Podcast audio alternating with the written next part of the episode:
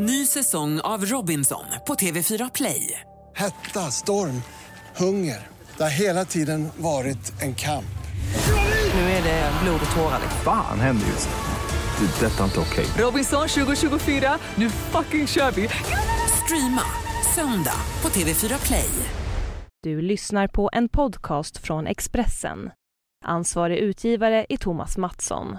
Fler poddar hittar du på expressen.se podcast och på iTunes. Det här är en inläst version av reportaget Ropen från Raqqa. De vittnar om skräcken i IS huvudstad. Först publicerat i Expressen och på Expressens utrikessajt Geo.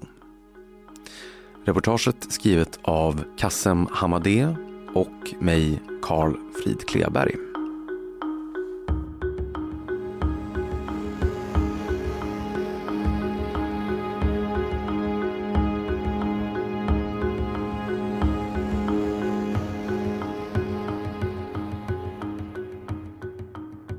Två år har jihadistgruppen som kallar sig Islamiska staten, eller IS, hållit syriska staden Raqqa i ett järngrepp.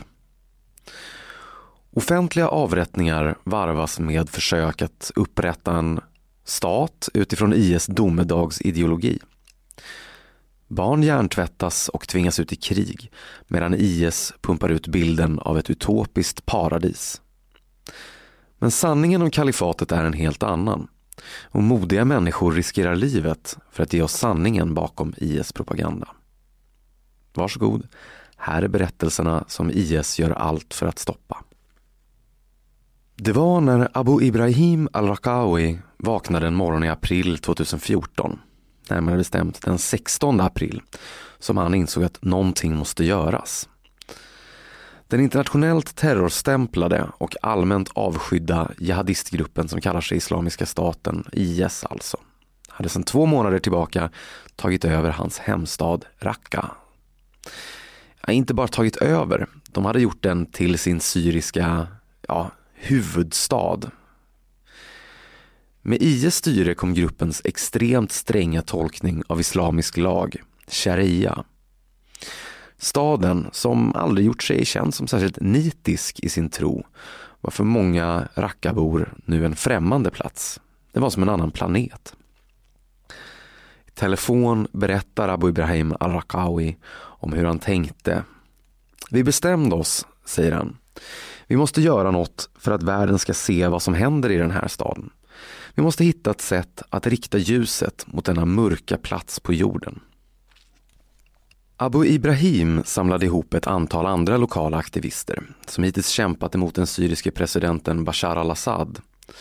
Regeringen hade då med våld försökt kväsa först överlag fredliga demokratiprotester och sen det väpnade uppror som övergick i Syriens fasansfulla inbördeskrig. Rebellerna som stred mot al-Assad kom snabbt att domineras av islamister, många av dem hårdföra jihadister, varav IS bara är den mest extrema inkarnationen. Aktivisterna var fortfarande emot al-Assad men insåg att det också behövdes några som kunde kämpa fredligt mot IS-jihadisterna. De skapade en logga och en Facebook-sida och började sedan sprida uppgifter inifrån staden där IS gjorde allt för att med sin propaganda kväva alla andra röster. Gruppen Raqqa slaktas i tysthet var född. Sedan dess har den varit den kanske viktigaste källan till motbilder mot IS propaganda inifrån en av världens för medier farligaste ställen. Gruppen har också nyligen prisats bland annat av internationella pressfrihetsgruppen CPJ eller Committee to Protect Journalists. IS försöker visa upp Raqqa som ett paradis där folk är glada och att det är huvudstaden i deras så kallade kalifat, säger Abu Ibrahim. De vill att folk ska ansluta sig. Men allmänheten vet inte att folket lider, att folket dör när vi rapporterar så får det genomslag och det är en mycket stor ära för oss att kunna säga att vi har förändrat någonting till det bättre för staden. I veckan passerades tvåårsdagen av IS skräckvälde i Raqqa och även om IS tappar mark så finns det inga tecken på en nära förestående kollaps. Aktivisterna inne i Raqqa fortsätter att sprida uppgifter om vad som händer där inne. Men de tar också väldigt stora risker, både för egen del och för andras. Snart efter att de började arbeta ropade IS från moskéernas högtalare ut uppmaningar om att döda dem och jihadisterna började ursinnigt jaga aktivister i staden. Abu Ibrahim al-Raqawi använder fortfarande en pseudonym trots att han för ett tag sedan lämnade Syrien. Han har goda skäl till det. IS förföljer frenetiskt medlemmar i Raqqa slaktas i tysthet och har dödat eller fångat flera av gruppens medlemmar. Inte ens de som lämnar IS-kontrollerade områden går säkra.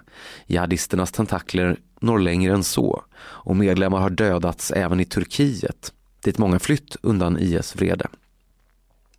Även gruppens anhöriga lever i ständig livsfara. En Raqqa-aktivist som har fått utstå IS hämnd på nära håll är Hamoud al-Mussa. Han använder sitt riktiga namn och bor nu i södra Turkiet, nära Syrien. Medan han arbetade där med att få ut uppgifter inifrån Raqqa fångade IS hans pappa. I juni kontaktades Hamoud av en IS-medlem som gav honom ett fasansfullt val. Namnge aktivisterna som du samarbetar med och din pappa går fri. Annars väntar ett betydligt värre öde. Hamoud vägrade. IS svarade då med att mörda hans pappa och två andra aktivister. Hamoud fick filmklipp föreställande morden skickade till sig. Hamoud skrev ett inlägg på sin Facebook-sida efter morden. Jag vill inte att någon erbjuder sina kondoleanser, skrev han. Gratulera mig hellre för min välsignelse. Ingen tröst behöver den oförrättade martyren. Sedan dess har ännu en av Hamouds släktingar dödats, denna gång Maria Hassan al-Shimas. Även hon var aktiv i Raqqa slaktas i tysthet. Hamoud al-Musa bekräftar i en intervju med mig att hans far och andra dödats av IS, men han vill hellre tala om gruppens arbete. Han beskriver ett fasansfullt liv under IS styre, med de idag, till stor del tack vare just al-Musa och hans kollegor, internationellt välkända offentliga avrättningarna och andra brutala straff. Jag hatar IS och kämpar emot dem genom mitt arbete med medier, men jag tror inte att vi kommer vinna utan att stödja folk på marken, säger han. Listan över vad IS ser som brott är lång och påminnelser om konsekvenserna av att sätta sig upp mot gruppen är konstant synliga, säger Al-Musa. Det är avrättade och halshuggna män som visas upp på offentliga torg och i rondeller. Deras brott står ofta beskrivna på lappar, fastnaglade på liken. Aktivisterna från Raqqa, varav vi talat med flera, beskriver fasansfulla övergrepp mot civilbefolkningen i största allmänhet. Men när man frågar vad som är värst med IS styre så återkommer de ofta till en och samma sak. Barnen. Under IS styre hindras en hel generation barn från att gå i skolan. Istället tränas de till att bli barnsoldater eller som stöd till IS krigsmaskin. Barn drabbas hårdast av de offentliga avrättningarna av IS hjärntvättning och dessutom av den dagliga oron för flygbombningar som många länder vid det här laget deltar i. Flygbombningarna är i första hand riktade mot IS, men även civila dör, inte bara i al-Assads eller Rysslands bombningar utan också i USAs. Barnfamiljer ställs inför ett svårt val mellan att stanna i allt farligare Raqqa eller att riskera allt för att fly genom en av världens värsta väpnade konflikter. En av alla familjer som valt att fly är 41-åriga Yazis. Hon flydde tillsammans med maken Moussa, Juma och deras barn. Vi träffar dem på gränsen mellan Libanon och Syrien där de för Expressens Mellanöstern-korrespondent Kassem Hamadeh berättar sin historia om livet i IS så kallade kalifat. Det var tidigt på förmiddagen i Raqqa när mikrofonen i en moské, som används för bönutrop, brusade till av att någon slog på den. Men det var inte dags för bön. Istället kunde stadens folk höra en mansröst som läste upp följande meddelande. Idag tillämpar vi lagen och ska bestraffa en soldat från al-Assads armé med döden. Kom och bevittna det. Vi valde att inte gå ut och se hur de skär hälsen av en människa. Vi gick aldrig ut på hela dagen, berättar Mossa, då, pappan i familjen. Är man ute på gatan och inte följer med publiken till avrättningen, då kan man bli bestraffad eller tas i förvar. Musa tänder en ny cigarett medan vi sitter inne i det halvmörka tältet. Han röker oavbrutet. Hustrun Yazzi sitter direkt bredvid honom och nickar. Det har gått några veckor sedan familjen kom till ett säkert område och de vågar träda fram. Men de vill inte att det ska framgå var intervjun äger rum. Några av barnen ställer sig i närheten och lyssnar nyfiket på samtalet. Andra leker trots kylan med resten av flyktingbarnen utanför. Senare den där dagen när Yazzie och Musa stannade hemma istället för att gå och bevittna avrättningen hörde de ett konstigt oväsen utanför huset. När de tittade ut såg de några män ståendes vid en schaktmaskin som hade fått motorstopp. Föraren var en bekant till Mossa som öppnade dörren och gick ut för att ta reda på vad som höll på att hända. En man i 40-årsåldern som visade sig vara saudier och imam såg ut att vara den som bestämde. När Mossa kom fram möttes han av rött blod som rann från schaktbladet. Där låg en huvudlös kropp. Det var den avrättade soldaten vars dom annonserats tidigare under dagen, säger Mossa. Männen var på väg för att dumpa kroppen på det lokala sopberget. Fiendens kroppar får nämligen inte begravas på hederligt sätt enligt IS sharia-lagar. IS ser till att avrättningar filmas. De ser till att förnedringen av människokropparna dokumenteras. IS försöker skapa ett skräcksamhälle och de har lyckats. Ja, schaktmaskinen gick i alla fall inte att laga på plats och de samlade männen behövde åka vidare. Släng honom där borta, sa saudien som hade befälet. Musa tar lugnt ett nytt bloss och berättar om vad han då gjorde. Jag gick fram och vädjade om att han inte skulle göra det. Jag sa att jag hade små barn och att de skulle bli rädda om kroppen slängdes i närheten. Dessutom skulle den avrättade stinka och locka till sig vilda djur. Jag bad honom om tillstånd att få begrava kroppen istället. Musas hustru Yazi påminner honom om vad saudierna svarade då. Han hotade slakta dig om du inte försvann från platsen, berättar Yazi. När IS i januari 2014 stormade Raqqa och tog över skedde det mycket snabbt. Staden kontrollerades då av rebeller. Det var moderata, det vill säga mer ideologiskt måttliga, mindre radikala Fria Syriska armén, som förkortas FSA. Men det var också islamistiska rebeller som al-Nusra-fronten, al-Qaidas officiella gren i Syrien. Över en natt vaknade befolkningen av skott som avfyrades i triumf. Svarta flaggor syntes plötsligt på torg och elstolpar bredvid män som såg ut att hämtas ur historieböcker om medeltiden. De var beväpnade, de hade låtit skägg och hår växa vilt och de var klädda i traditionella afghanska kläder. Kvinnorna var heltäckta i svart medan barn yngre än sju år höll pistoler och walkie-talkies. Mossa funderade länge på att fly, men han hade varken pengar eller möjlighet. Han är far till flera barn och kunde inte lämna sin hustru och barnen ensamma. Mossa trodde att livet skulle fortsätta precis som under regimens styre, men de visste inte att IS skulle tillämpa sin egen extrema tolkning av islamisk lag. IS tvingade alla andra väpnade krafter att antingen ansluta sig till gruppen eller att lägga ner sina vapen. Det fanns FSA-rebeller som vägrade gå med i IS och som inte heller gav upp. De försvarade sig till sista skotten innan de försökte fly genom att kasta sig i floden Eufrat. Flera av dem drunknade och flöt upp till ytan kort tid senare. De hade sina vapen kvar på sig, säger Musa. IS fiskade upp dem som flöt upp, tog deras vapen och slängde tillbaka dem i Eufrats damm. De blev mat för fiskarna, säger han. Så tillägger han att de ur FSA som fångades levande, ja, de gick ungefär lika skrämmande öden till mötes. Det var inte minst för 14-årige sonen Abdos skull som Musa, Yazzi och resten av familjen flydde. Flera av Abdos vänner och kusiner gick med i IS. Unga pressas att ansluta sig till gruppen eller så lockas de med en inkomst i ett läge där fattigdomen i Raqqa djupnar hela tiden. Två år har gått sedan Abdo slutade gå i skolan. När IS tog över Raqqa stängde de ner alla skolor och de förbjöd flickor från att lära sig läsa och skriva. Istället öppnade IS egna koranskolor. Det är frivilligt att gå där, men alternativet är i princip ingenting. I koranskolorna får barnen lära sig om salafismen inom islam, en ultrakonservativ inriktning som handlar om att till punkt och pricka efterlikna profeten Muhammed och hans följeslagare. I princip får barnen bara lära sig om salafismen. Ja, barn får lära sig matematik också, men jag valde att stanna hemma, säger Abdo. Rekryteringen av barn till IS pågår oavbrutet. De skickas på sharia-kurser till att börja med i ett halvår. Där får blivande barnsoldater, lejonungarna som IS själva vill kalla dem, lära sig hantera vapen och de blir hjärntvättade. De som inte skickas till fronten får andra uppdrag. Exempelvis blev jämnåriga vänner till Abdo IS-spioner.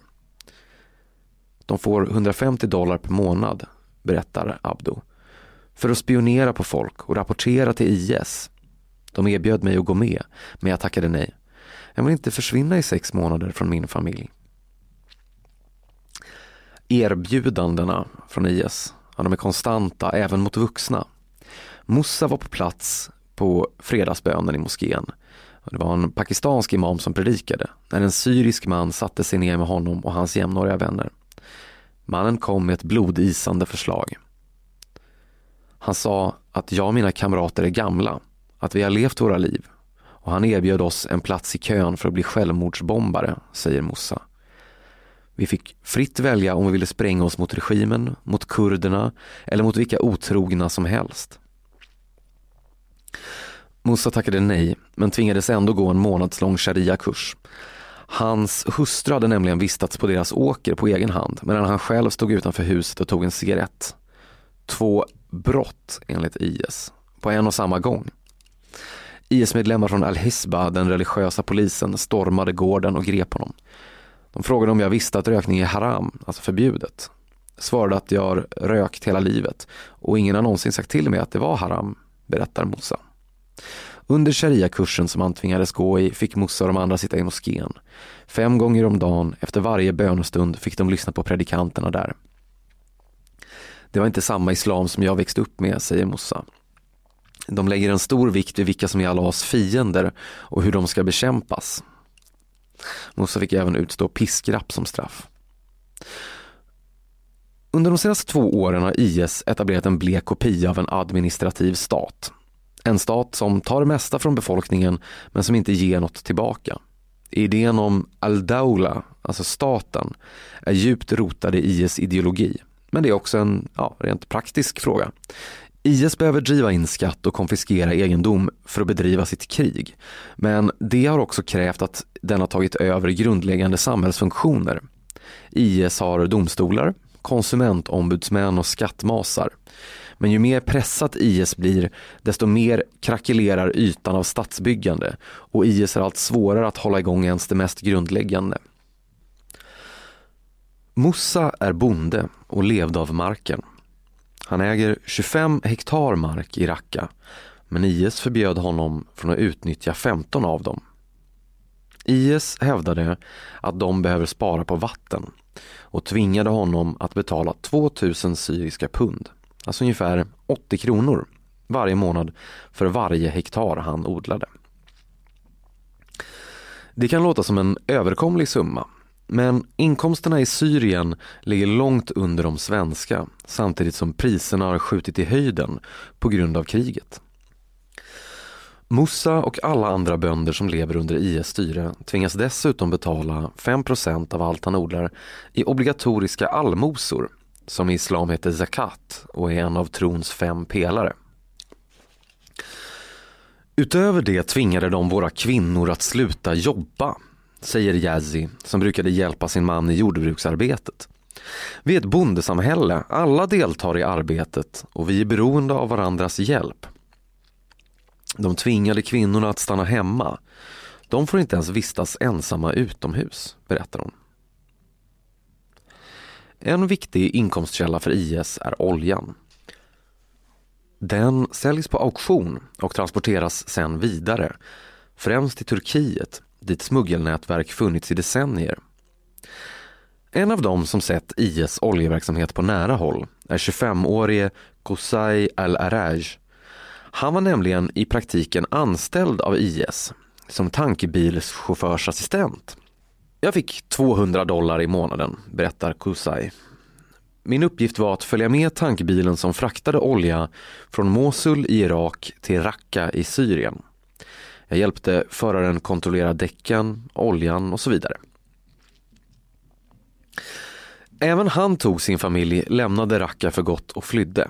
Nu står han i solen på en kulle vid gränsen mellan Libanon och Syrien tillsammans med sin 18-årige vän Ahmed. Vinterkylan hänger i luften och snön som föll för ett par dagar sedan har smält bort. Marken är blöt och lerig. Kosei arbetade tidigare som gatuförsäljare och sålde diesel i små mängder. När IS ockuperade Raqqa fick han inte längre jobba fritt utan han var tvungen att anmäla sig varpå IS erbjöd honom jobbet som assistent. När jihadisterna tog över staden saknades ordentliga oljeraffinaderier för att dela upp råoljan. Primitiva tekniker användes för att genom upphettning få fram gas, bensin och andra oljeprodukter. Senare fick IS tag på oljeraffinaderier från Turkiet och då började olja köras från olika delar av IS territorier till Raqqa där den behandlades och såldes på marknaden, säger Kosai. Köparna var vanliga affärsmän, inte IS-medlemmar men de köpte olja av IS, berättar han. Det är de som såg till att oljan transporterades vidare till Turkiet men även till områden i Syrien som IS kontrollerar. Att åka bil från Raqqa till Mosul tar mellan 7 och 8 timmar och oftast åkte Kosei i en konvoj med 6 eller 7 bilar. Ibland var det farligt, särskilt när de passerade nära områden som kurder kontrollerade eller när stridsflygplan flög över dem. Då fick de lämna bilarna och ta skydd.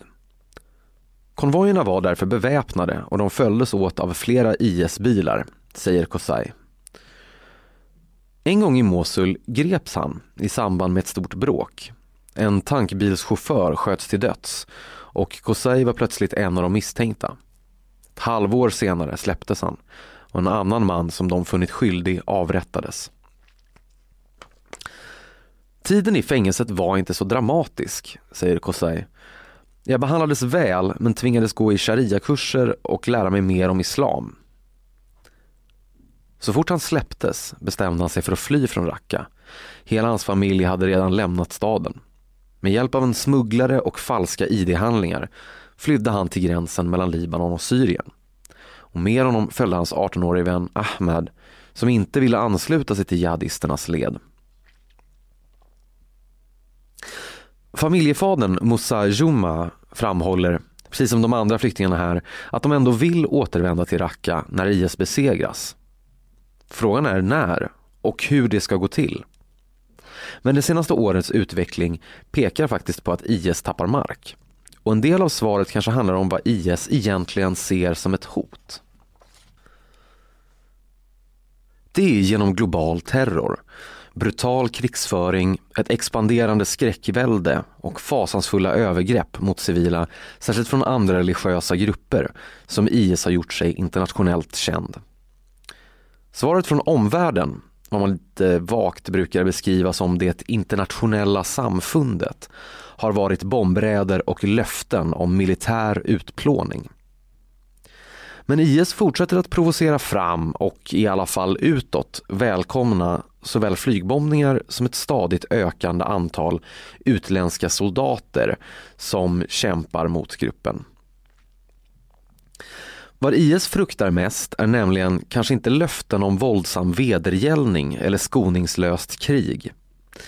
IS drivs av en domedagsideologi som kretsar kring ett sista avgörande slag med på ena sidan muslimerna, ja det är alltså enligt IS de själva, trots att gruppens extrema ideologi delas av få och väcker avsky runt om i den muslimska världen.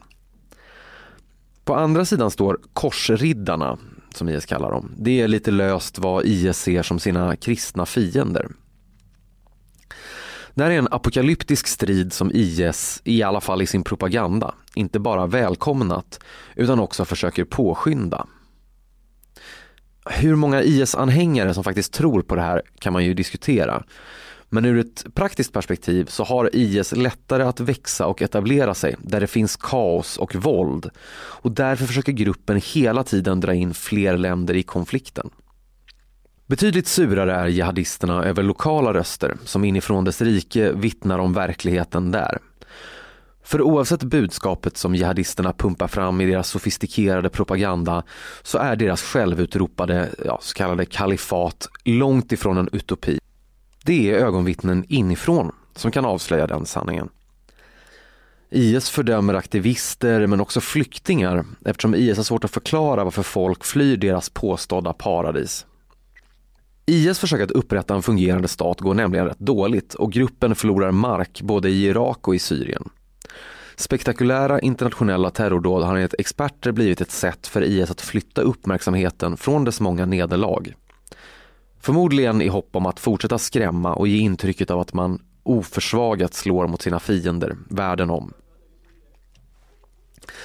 Sociala medier och propaganda är viktiga verktyg för IS, säger Abu Ibrahim al-Raqawi. Han aktivisten som grundade gruppen Raqqa slaktas i tysthet. Om man bekämpar dem med deras egna vapen så blir de mycket arga och det är därför IS ser oss som ett stort hot. Att de dödar oss innebär bara att vi är på rätt väg.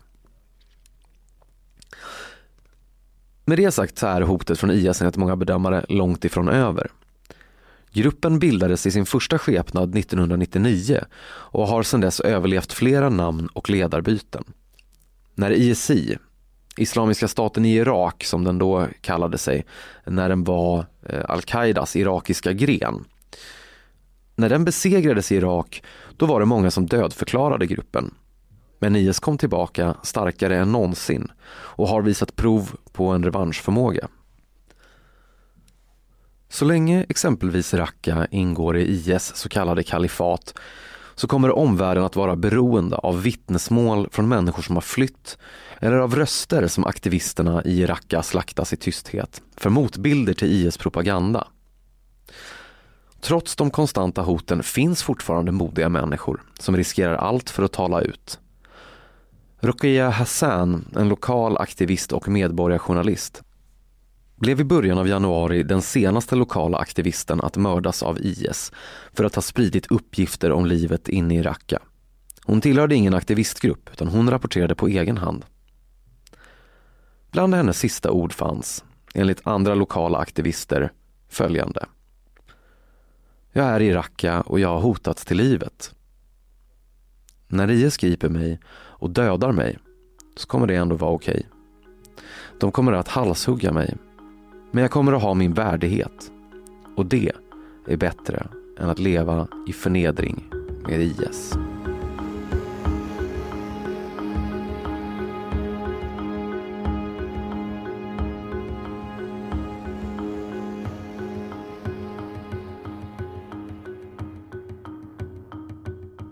Du har lyssnat på en podcast från Expressen.